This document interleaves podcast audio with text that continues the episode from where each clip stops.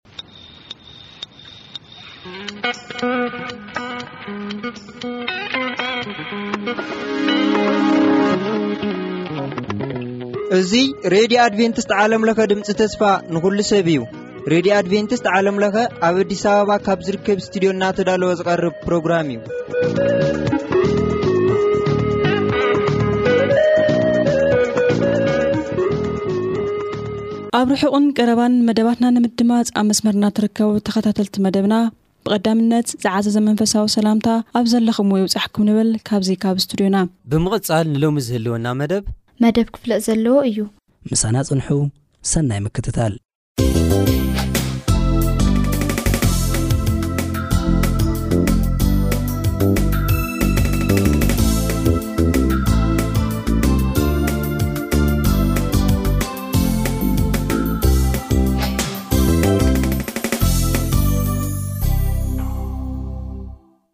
ሰላም ከመይ ትጸንሑ ክቡራት ተኸታተልቲ መደብና እዚ ብሆብ ቻነል ኢትዮጵያ እናተዳለወ ዝቐርበልኩም መደብ እዚ ንኣምን እዩ ኣብ ናይ ሎሚ መደብና ድማ እንሪኦ ብዛዕባ ስላሴ እዩ እዚ ሓሳብ እዚ ንሪኦ ምስ ሓውና ናሆም ይተባረክ ብምዃን እዩ መጀመርያ ሓውና ናሆም ፃውዒትና ኣኽቢርካ ናብ ስለ ዝመፃኻ እግዚኣብሔር ይባርኽካ ኳዕ ደሓና መፃኻ ክብለካ ፈቱ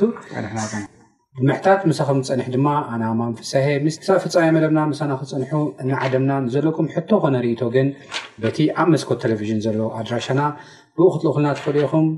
ምሳና ፀንሑ ሕራይ እምበኣር ሓውና ንሆም ከምቲ ቀዲም ኢለ ዝበልክዎ ሎሚ እንሪኦ ወይ ድማ ንድህሶ ኣርእስቲ ብዛዕባ ስላሴ እዩ ዝኸውን ስላሴ ክንብል ከልና ብዛዕባ ምንታይ ማለትና እዩ ማለት ሎሚ ስላሴ ዝብል ሓሳብ ብዙሕ መልክዕ ክዝረብ ይኽእል እዩ ግን ብዙሕ መግለፂታት ኣለዎ እዩ እና ሎሚ እንሪኦ ስላሴ ክንብል ከልና ብዛዕባ ምንታይ ኢና ንርኢ እንታይ ኢና እናበልና ዘለና ብዛዕባ ስላሴ ክንብል ከለና ቀኒለይ ብመጀመርታ እዚ ኣብ መፅሓፍ ቅዱስና ካብ ዘለዎ ወድዓዊ ሓቅታት ሓደ ናይ እግዚኣብሔር ኣብ ወልድ መንፈስ ቅዱስ ወይ ከዓ ብፅሙር ቃል ስላሰ እንዳበልና ንፅውዖ ሓደ እዩ ብዛዕባ እግዚኣብሔር ኣብ ወልድ መንፈስ ቅዱስ ክንዛረብ ከለና እቲ ናይ ቀዳማይ ናብ ኣእምሮይ ዝመፅእ ሓደ ትሕትና እዩ ሓደ ትሕትና እዩ ትሕትና ክፅናዕ ዘለዎ ርእሲ ኣብቲ ጽኑዕ ዝኾነ ሓቂ ናይ ቃል እግዚኣብሔር ተመርኲስካ ድማ እዚ ሓቂ እዚ ብምድናቕ ብምድናቕ ንኻሊእ እውን ክመሓላለፍ ምጽዓር እዩ ማለት እዩ። እቲ ሕዚ ንገብሮ ዘለና ከዓ ንሱ እዩ ሓደ ኣካል ናይቲ ምትሕልላፍ ወይ ከዓ ምግዋሕ እቲ ሓቂ እዩ ማለት እዩ። ስለዚ ቅድም ቀዳድም ብጣዕሚ ርዝነት ዘለዎ ትምህርቲ ናይ መፅሓፍ ቅዱስ እዩ ወድዓዊ ሓቂ ድማ እዩ እዚ ትምህርቲ እዚ መፅሓፍ ቅዱሳዊ ትምህርቲ እውን እዩ ብዛዕባ እግዚኣብሔር ኣብ ወልድ መንፈስ ቅዱስ ወይ ከዓ ስላሴ ብጥሙር መፅሓፍ ቅዱሳዊ ትምህርቲ እዩ እዚ ካብ በልኩ ስላሴ ክንብል ከለና እንታይ ማለትና ኢና ዝብል ቃል ኣልዒልካ ኣለካ ካብቲ ብተለምዶ ስላሴ እናተባሃለ ይፅዋዕ ወላ ኣብ መፅሓፍ ቅዱስ ኬድካ ክትርኢ ከለካ ኣብዚን ኣብትን ኣብ ተፈላለዩ ቦታታት ንበር ብጥሙር ብዛዕባ ናይ ስላሴ ትምህርቲ እውን ኣይትብልን ኢካ ማለት እዩ ግን ጎይታና መድሓኒትና ንየሱስ ክርስቶስ ካብ ዝሃበና ካብኡ ተመርኪዝና ኣብ ብሉይ ኪዳን ከዓ ዘለዉ ፅሑፋት ሒደት ኣብዚ ሒደት ኣብቲ ኣተሓሒዝና ናይ መፅሓፍ ቅዱስ ካብቶም ዘለዉ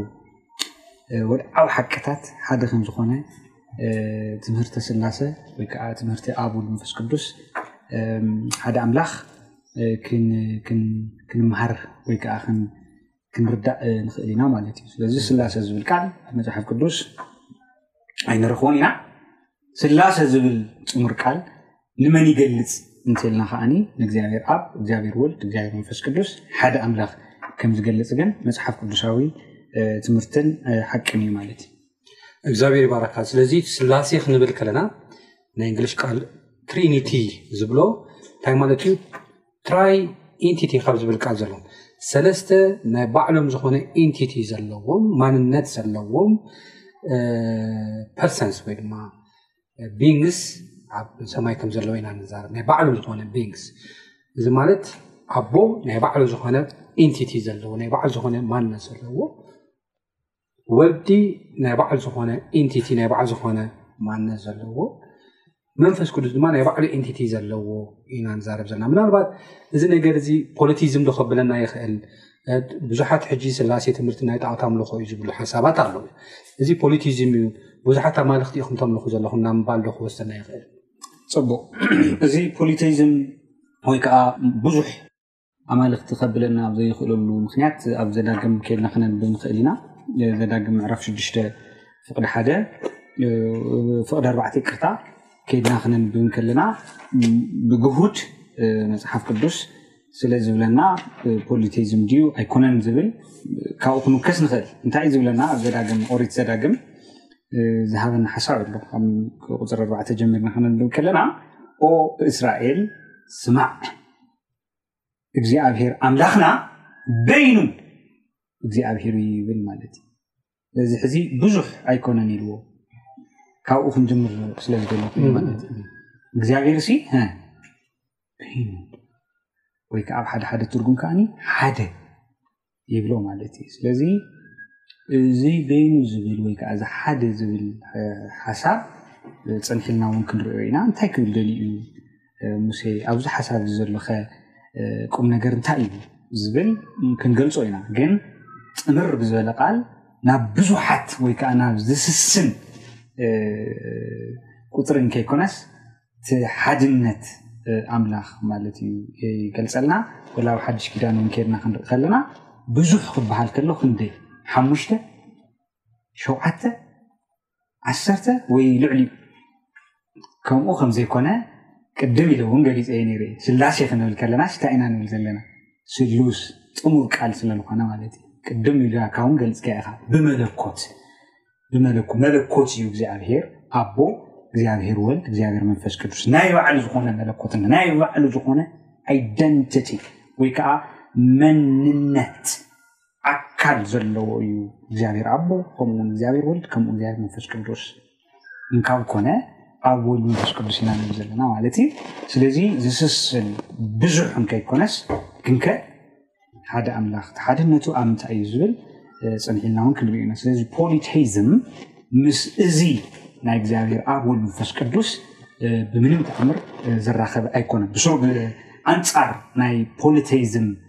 ፍልስፍና ወይ ከዓ ኣመፃፅኣ ወይ ከዓ ሓሳብ እውን ምስ ቃል እዚ ብፍፁም ተኣምር ዝቃዶ ኣይኮነን እዩ ማለት እዩ ተዚ ንብሎ ዘለና ናይ እግዚኣብሔር ኣቦ ወልድ መንፈስ ቅዱስ ሓሳብ ምስቲ ናይ ብዙሕ ኣማልኽቲ ዝተሓሓዝ ኣይኮነን ሓደ ኣምላኽ እዩ ዝብለና ዘሎ እቲ ሓድነቱ ቅሩብ ፀኒሕና ክንሪኦ ኢና ብጣዕሚ ዝገርም እዩ ምናልባት ኣብዚ ሓሳብ እዚ ቀፂለ ክሓቶ ዝኽእል እዚ ናይ ትምህርተ ስላሴ ወይ ድማ ትሪኒቲ ዝበሃል ብእንግሊሽ ሞነቲዝም እዩ ወይ ድማ ብሓደ ኣምላኽ ዝኣምን እዩ ኢና ንብል ዘለና ሞኖቲዝም እዩ ብሓደ ኣምላኽ ዝኣምን እዩ እሱ ድማ ዝጠቐስካልና ኣብ ዘዳግም ምዕራፍ ሽዱሽተ ቁፅሪ ኣርባዕተ ሰለስተ ናይ ባዕሎም ኢንቲቲ ኣለዉ ሓደ ኣምላኽ ከዓ ትብሉ ኣለኹም ኣይጋጮን ዶ ዝብሉ ሓሳባት ብዙሕ ግዜ ስለ ዝለዓሉ እዚ ከመይ ኢኻ ትሪኦ ፅቡቅ ካብ በዓል ሕጂ እውን ካብ ዘዳግም ምዕራፍ ሽዱሽተ ከድና ክንርኢ ከለና ኣብ ፍቅዲ ኣርባዕተ ዘሎ እዚ ናይ ሼማ ቃል እዩ ምስማዕ ባይ ዘ ወይ ኣብዚ ኣብ ምዕራፍ 6 ቁፅሪ 4 ዘሎ ኦ እስራኤል ስማዕ ስማዕ ክብል ከሎ እቲ ሼማ ዝብል ቃል ምስማዕ ጥራሕ እውን ኣይኮነን ምእዛዝ እውን ስለዚ ስማዕ እሞ እንታይ ግበር ተኣዘዝ ዝብል ቴማ ኣለዎ ቁም ነገር ኣለዎ ኣብኡ እንታይ ዝብል ዘሎ ሙሴ እግዚኣብሔር ኣምላኽና ሲ ሓደ በይኑ እግዚኣብሔር እዩ እዚ ማለት እንታይ ኢኹም ትብሉ ዘለኹም? ኣብቲ ሓደ ኣብ ወልድ መንፈስ ቅዱስ ትብሉ ኣለኹም፣ ኣብዚ ከኣ በይኑ ሓደ እዩ። ኣብዚ ናይ እብራይስጥ ሓሳብ እቲ በይኑ ዝብል ቃል ብክልተ እቲ በይኑ ንቁፅርን ንሓድነትን ንምግላፅ ዝጥቀሙሉ ቃል ኣሎ። እብራውያን ንቁፅሪ ዝጥቀሙሉ ሓደ ክልተ ሰለስተ ኢሎም ዝጥቀሙሉ ያኺድ እንትትከውን ብጥሙር መንነት ንክገልፁ ንኣብነት ኣታ ህዝቢ ኢኻ ትብል ኣቱም ኣሕዛብ ኣይትብልን ኢኻ ኣታ ህዝበይ ኢኻ ትብል ንቲ ህዝቢ ድላይ ይኹን ቁፅሩ ከም ኣታ ትብሎ ኣታ ኣታ ንብሎ ወላ ናብቲ ትግርኛ ናብ ምንምፃእ ኣታ እትብሎስ ንሓደ ሰብ እዩ ግን ሓደ ኮይኑ ንብዙሑ እውን ዝገልፅ ቃል ኣሎ ኣብዚ ተገሊጹ ዘሎ እምበኣረይ እቲ ኤኻድ ዝብል ቃል ከምፓውንድ ናውንስ ወይ ከዓ ናይ ጥሙር ናይ ሕብረት ሓሳብ ከም ዝኾነ እዚ ከዓ ኮነ ተባሂሉ ሙሴ ዝገበሮ ሓሳብ ከም ዝኾነ ኢና ንርኢ ማለት እዩ ፅንሒ ኢልና እውን ክንርኢ ኢና ኣብ ሓድሽ ኪዳን እውን ክንርኢ ኢና ማለት እዩ ሓደ ሓደ ቃላት ኣለዉ ስኢሎም ባይፓስ ክንገብሮም ዘይግበና ስኢልና ክንሓልፎም ዘይግበና እንታይ እዩ ክብል ደልዩ ኢልና ዕሪቕና ዕምቕና ክንሪኦ ዘለና ስለዚ እቲ ያኪድ ዘይኮነ ኣብዚ ቃል ዝተገሊኡ ዘሎ ኤኻድ ዝብል ቃል ኤኻድ ከዓኒ ኣታ እስራኤል ስማ ኣምላኽካ እሱ ብክልተ መንገዲ ክንሪኦ ንካ ዘይለዋወጥ ፅኑዕ ዘላለማዊ ዝኾነ ኣምላኽ እዩ እዚ ኣምላኽ እዚ ከዓ ፍለጦ እዩ ኣብ ዘፍጥረት ከድና ክንርኢ ከለና ኣብ ምዕራፍ ሓደ ከድና ክንርኢ ከለና እግዚኣብሔር ኣምላኽ ሲ ንሰብ ኣብኡ ኮ ይጅምር ኮዩ ካብኡ ኮ ይጅምር ብመን መልክዕን ኣምሳልን ገይሩ ፈጠሮ ብመልክዑን ሀ ብኣምሳሉን ገይሩ ፈጠሮም ቅድሚ ምባሉ ንዑ እዩ ዝብል ኣብኡ እግዚኣብሔር ዝተጠቐሞ እንታይ ዓይነት ቃል ኣሎ ምስሎም ኮምፓውንድ ትተርም ወይ ከዓ ጥሙር ንዕሞ ሰብ ከም ምስልና ከም መልክዕና ምስልናን መልክዕናን ኣብኡሲ ኣብዚሕዎ ኣብዚሕዎ ቅድም ኢልካ ሓትትካኒ ኢኻ ንፖሊቴይዝም ወይ ከዓ ንብዙሓት ኣማልኽቲ ይውክል ዶ ኣይፋል ፅንሕ ኢልና ክንሪኦና ይውክልና ኣብ ወልድ መንፈስ ቅዱስ እግዚኣብሔር ኣቦ እግዚኣብሔር ወልድ እግዚኣብሔር መንፈስ ቅዱስ ፈጣሪ ከም ዝኾነ እውን ፅንሕ ኢልና ስለ ንሪኦም ሕዝታ እየ ዝህብ ዘለኹ ሓደ ሓደ ሳብስታንስ እየ ዝሃብኩ ዝኸድ ዘለኹ ማለት እዩ ከመይ እዚ ሓደ በይኑ እዩ ኢልና ክንስናሲ ኣብቲ ከዓ ክነብዝሖ ከለና ኣይገራጨውን ዶ ኣይገራጨውን ባዕሉ መፅሓፍ ቅዱስ እውን እንታይ እዩ ዝብለና ዘሎ ሓደ ኣምላኽ ሓደ ክብል ከሎ ብናይ እንታይ ሓድነት እዩ ዝገልፆ ኮምፓውንድ ተርም ብምንታይ እዩ ኣነ ኩሉ ግዜ ወላ ናይ መፅሓፍ ቅዱስ ተምሃሮይ ክምህሮም ከለኹ ዝጥቀመሉ ሜታፎር ኣሎ ወይ ከዓ መግለፂ ሓሳብ ኣሎ ብዛዕባ ኣብ ወልድ መንፈስ ቅዱስ ክገልፅ ከለኹ እንታይ ይብል ኣሓባ ይብል ኣሓባ እዚ ማለት ከምቲ ንፈልጦ ኣሓባ ብዓረብ ወይ ከዓ ብቋንቋ ሴሜቲክ ፍቅሪ ማለት እዩ ፍቅሪ ማለት እዩ መፅሓፍ ቅዱስና እውን እግዚኣብሔር ፍቅሪ ይብለና እና ብፅቡቅ ንምዝካር ዝጥቀምሉ ቃል ክኸውን ኢለ ስለ ዝሓስብ ማለት እዩ ናይ እግዚኣብሔር ኣብ እግዚኣብሔር ወልድ እግዚኣብሔር መንፈስ ቅዱስ ሓድነት ሓድነት ንምግላፅ እቲ ሓደ እምነቱ ንምግላፅ ዝጥቀመሉ ቃል እዩ ዓ ንምንታይ እዩ ዝቆመለይ ንዓላማ ናይ ዓላማ ሓድነት ኣሎ ኣብ እግዚኣብሔር ኣብ ኣብ እግዚኣብሔር ወልድ ኣብ እግዚኣብሔር መንፈስ ቅዱስ ሓደ ኣምላኽ ናይ ዓላማ ሓድነት ኣሎ ሓ ድማ ናይ እንታይ ናይ ሓሳብ ሓድነት እውን ኣሎ ናይ እግዚኣብሔር ኣብ ናይ እግዚኣብሔር ወልድ ናይ እግዚኣብሔር መንፈስ ቅዱስ ሓሳብ ንኣብነት ሓሳቡ ንዓይ ወይ ንዓኻ ሓሳብ ደሓን እዩ እግዚኣብሔር ኣቦ እግዚኣብሔር ወልድ እውን ከምኡ እዩ ንሱ ኢና ርኢና እግዚኣብሔር መንፈስ ቅዱስ እውን ንሱ እዩ ንሱ የፅንዕ ሓሳቡ እውን ሓደ እዩ ዝተፈላለዩ ኖ ኣነ ዝሓሰብኩ ከምኡ ዝበሃል ኢንዲፔንደንት ዝበሃል የለን ወላ ኣብ ኣቦን ኣዶን እኳስ ሓሳቦም ይፈላለ ኣብ እግዚኣብሔር ኣቦ ከምኡ ይኮን ብሓሳብ ብፍላይ ምስ ምድሓን ደቂ ሰባት ሓሳብ ኣብ ወልድ መንፈስ ቅዱስ ሓደ እዩ ስለዚ ናይ ዓላማ ሓድነት ጥራሕ ከይኮነ ናይ ሓሳብ ሓድነት እውን ኣሎ ሳልሳይ ከዓ ናይ ባህሪ ሓድነት ባህሪ ክንገልፆ ንኽእል ኢና ብፀባይ ክንገልፆ ንኽእል ኢና ብፀባይ ክንገልፆ ንኽእል ኢና ብባህሪ ብባዕሉ እውን ክንገልፆ ንኽእል ኢና እግዚኣብሔር ኣቦ ባህሪኡ መለኮት እዩ እግዚኣብሔር ኣቦ እግዚኣብሔር ወልድ መለኮት እዩ እግዚኣብሔር መንፈስ ቅዱስ እውን መለኮት እዩ ምልኩት እዩ ማለት እዩ ስለዚ ናይ ዓላማ ሓድነት ናይ ሓሳብ ሓድነት ናይ ባህሪ ሓድነት እዚ ዳሓረ ክንሪኦ ንኽእል ኢና ናይ ዓላማ ክንብል ከለና ዓላማ እውን ምፍጣር እዩ ነይሩ እግዚኣብሔር ኣምላኽ ፈጣሪ እዩ ስለዚ እግዚኣብሔር ኣቦ ፈጣሪ እንትኾነ እግዚኣብሔር ወልድ እውን ፈጣሪ እዩ እግዚኣብሔር መንፈስ ቅዱስ እውን ፈጣሪ እዩ ፈጢሩኒ እዩ ናይ እግዚኣብሔር መንፈስ ኢሉ ይዛረብ እዩ እዮብ ማለት እዩ ስለዚ እቲ ሓድነት ብፍላይ ኣብ ዘዳግም ምዕራፍ ሽዱሽተ ፍቅዲ ኣርባዕተ ዘሎ እቲ ኤኻድ ዝብል ቃል ናይ ዓላማን ናይ ሓሳብን ናይ ባህርን ሓድነት ከም ዝኾነ ክንርዳእ እውን ንኽእል ኢና ማለት እዩ ስለዚ ክነብዝሖ ከለና ሲ ዝገራጮ ኣይኮነን ኣብዚ በይኑ ኣብዚ ከዓ ብዙሕ ናብ ፖሊቴይዝም እውን ዘይወስድ ቃል ከም ዝኾነ ብቀሊሉ ከምዚ ክንርድኦ ንኽእል ኢና ማለት እዩ እግዚኣብሔር ባረኽካ ሓውና ን ብጣዕሚ ደስ ዝብል ሓሳብ ኢካ ሂብካና ምናልባት ከምቲ ዝበልካዮ ብዙሕ ሓሳባት ኢካ ተቂስካ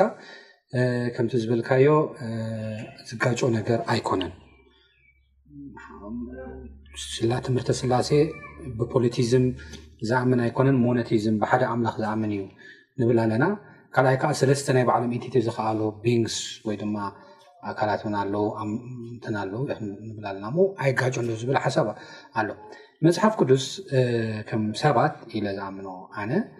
ከም ዘሎ ኢና ክንቅበሎ ዘለና ከም ዝተገልፀልና ኢና ንቕበል ዘለና እግዚኣብሄር ኣቦ ኣቦ ወዲ መንፈስ ቅዱስ ነናይ ባዕሎም ኢንቲቲ ተኮይኖም ኖርማሊ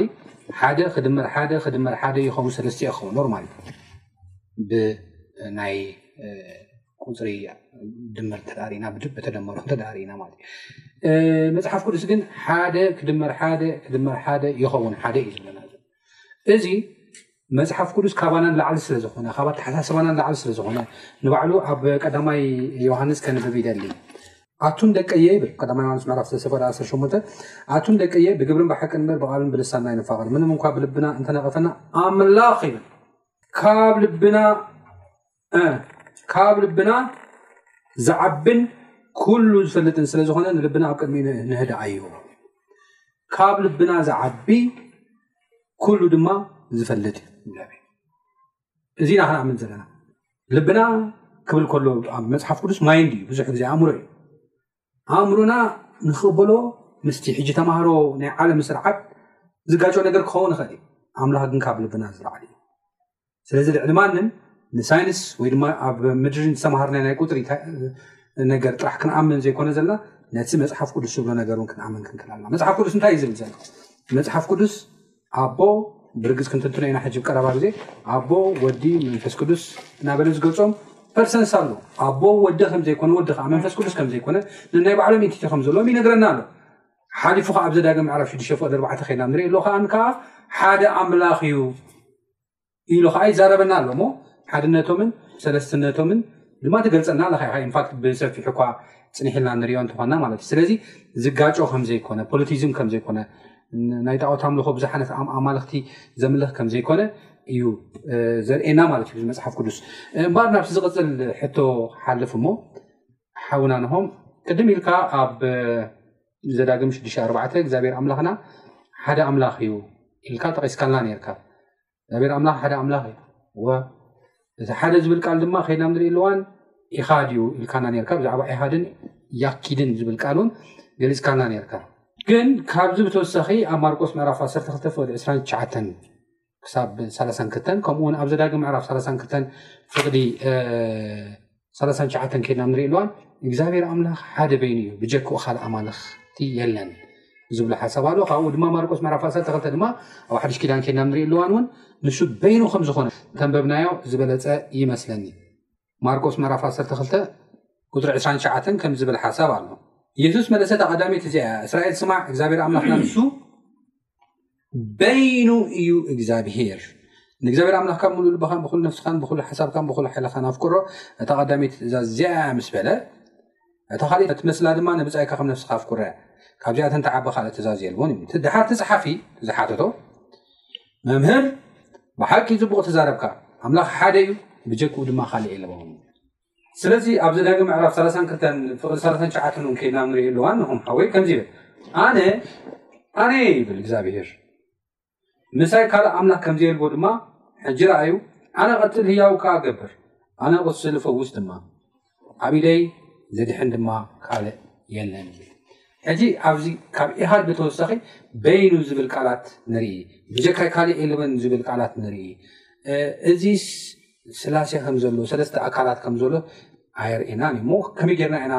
እዚ ጥቕስታት እዚ እናሃለወ ስላሴ ንብል እዚ ጥቕስታት እዚ ከብ ከመይ ኢና ንርድኦ ንዝብል ሕቶ ኣቕርበልካ ደሊ ፅቡቅ እቲ ቅድም ኢሎም ዝገለፅኩም እዚ እቲ ትሕትና ከድልየና እዩ ብፍላይ ምስ ናይ ትምህርቲ ኣብ ወልድ መንፈስ ቅዱስ ወይ ከዓ ብፅሙር ስላሴ ንብሎ ሓሳብ ክነፅንዕ ከለና ትሕትና የድልየና ፀሎት የድልየና ብዕምቀት ሒደተፍቲ ኣብ ብሉይ ኪዳን ዘሎ ሓሳብ ምስ ኣብ ሓድሽ ኪዳን ዘሎ ሓሳብ ብከመይ ጌርና ኢና ክነተሓሕዞ ዝግበአና ወይ ከዓ ክነተዓርቆ ዝግበአና ዝብል ከድልየና እዩ ማለት እዩና እዚ እዩ ንቲ ብዕሊ ናይቲ ፅሑፍ ወይ ከዓ ናይቲ ፀሓፊ ክብሎ ዝደለየ ምፍላጥ ኣገዳሲ እዩ ዝኸውን ማለት እዩ ጴጥሮስ እንታይ ይብለና እዘን ቅዱሳን ፀሓፍቲ መፅሓፍቲ ኣብ ቀዳማይ ጴጥሮስ ምዕራፍ ሓደ ቁፅሪ 20 ቁፅሪ 21 ከርና ክነብብ ከለና እንታይ ዝብለና ቅዱሳት ፅሑፋት ብድሌት ሰብ ኣይኮነን መፅ እዩ ኮታስ መንፈስ ቅዱስ መሪሕዎ ንቅዱሳን ሰባት መሪሑ እዩ መን መራሒ መንፈስ ቅዱስ ስለዚ ቃል እግዚኣብሔር ሲ መን መሪሕዎ እዩ ክፀሓፍ ምክንያት ኮይኑ ቅድም ኢለ ከምቲ ዝገለፅክዎ ሙሴ እንተ ፀሓፍ ኮይኑ እቲ ናይ መጀመርታ ምዕራፍ ወይ ከዓ እቲ ናይ መጀመርያ መፅሓፋት ናይ መፅሓፍ ቅዱስ ንሙሴ ዝመርሐስ መንፈስ ቅዱስ እዩ መንፈስ ቅዱስ ከዓ ኣንተዩ ወንጌል መለኮት እዩ መለኮት እዩ ናብኡ ክንመፅና ናብቲ ዝርዝር ክንመፅና ነተን ኣብ ማርቆስ ዘንበብካያን ከምኡውን ኣብ ዘዳግም ዘንበብካዩ ሓሳብ ግን ንምትሕሓዝ ቅድም ኢለ ናይ መፅሓፍ ቅዱስ ወይ ከዓ ናይ ዮሃንስ ወንጌል ምዕራፍ ሓደ ኣብቲ ፈላማይ ቁፅሪ ከነንብብ እሞ ካብኡ ነቲ ዝተሓተ ሕቶ ክትምልስ ክፍትን እየ ማለት እዩ ቃል ብቅድሙ ነበረ ይብለና ዮሃንስ ወንጌል ምዕራፍ ሓደ ፍቅዲ ሓደ ወይ ከዓ ቁፅሪ ሓደ እቲ ቃል ድማ ኣብ ኣምላኽ ነበረ ብቕድሙ መን ነበረ ቃል ነበረ እዚ ቃል ድማ ኣብ ኣምላኽ ነበረ እቲ ቃል እውን ኣምላኽ ነበረ ይብለና ሕጂ እንታይ ከዓ ሓቲትካ ነርካ በይኑ እዩ ክብሩ ድማ ንካልእ ይሕሊፉ ይህብን ኣብዚ ግን እንታይ ይብለ ኣሎ ቃል ብቕድሙ ነበረ እቲ ቃል ድማ ኣብ ሓደ ሓደ ትርጉም ምስ ኣምላኽ እውን ነበረ ብፍሉይ ድማ እቲ ናይ ግሪክ ማንስክሪፕት ወይ ከዓ ፅሑፍ ክተንብቦ ከለካ ቃል ብመጀመርታ ነበረ እቲ ቃል ድማ ምስ እግዚኣብሄር ነበረ ምስ እግዚኣብሄር ነበረ እቲ ቃል ንሱ እውን እዩ ዝብለና እግዚኣብሄር ነበረ እቲ ቃል ካብ ቁጥሪ ክልተ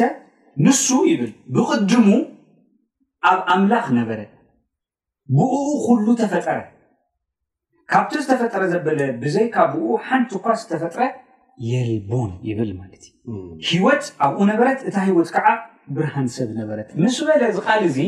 መንነት የልብሶ ኣብ ቁፅሪ 14 ከይና ክነንብብ ከለና እንታይ ይብለና እቲ ቃል ሰብ ኮነ ፀጋን ሓቂ መሊእዎ ከዓ ምሳና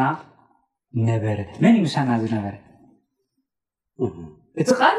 ኣውዚ እንታይ ክልብስ ከሎ ትርኢ ሰብነት ክልብስ ከሎ ትርኢ ምሳና ዝነበረ ካብ ኣብ ካብ መንፈስ ቅዱስ ወፃእ መን እዩ እግዚኣብሔር ወልድ እዩ ማለት እዩ እዚ እግዚኣብሔር ኣቦ ኣሎ ቅድም ኢልካ ገሊፅካ ኢኻ ቅድም ኢልካ ገሊፅካ ኢኻ እግዚኣብሔር ኣቦ ወልድ ኣይኮነን ወይ ከዓ መንፈስ ቅዱስ ኣይኮነን እግዚኣብሔር መንፈስ ቅዱስ እውን እግዚኣብሔር ኣቦ ኣይኮነን ወይ ከዓ እግዚኣብሔር ወልድ እውን ኣይኮነን ናይ ባዕሉ ዝኾነ መለኮታዊ ኣካል መንነት ዘለዎ እዩ እግዚኣብሔር ኣቦ ከምኡውን እግዚኣብሔር ወልድ ከምኡ እግዚኣብሔር መንፈስ ቅዱስ ማለት እዩ ስለዚ ንትዓቶ ዝሓትትካ ይሕቶ በይኑ እዩ ዝብል ካብቲ ዓውዲ ውፅእ ኢልና ከዓኒ ክንሪኦ ከለና ካሊእ ናይ ቅዱስ ቃል ፅሑፍ እንታይ ይብለና ኣሎ እቲ ቃል እዚ እቲ ቃል እዚ ምስ መን ነበረ ይብለና ኣሎ ንምንታይ ዳ እዩ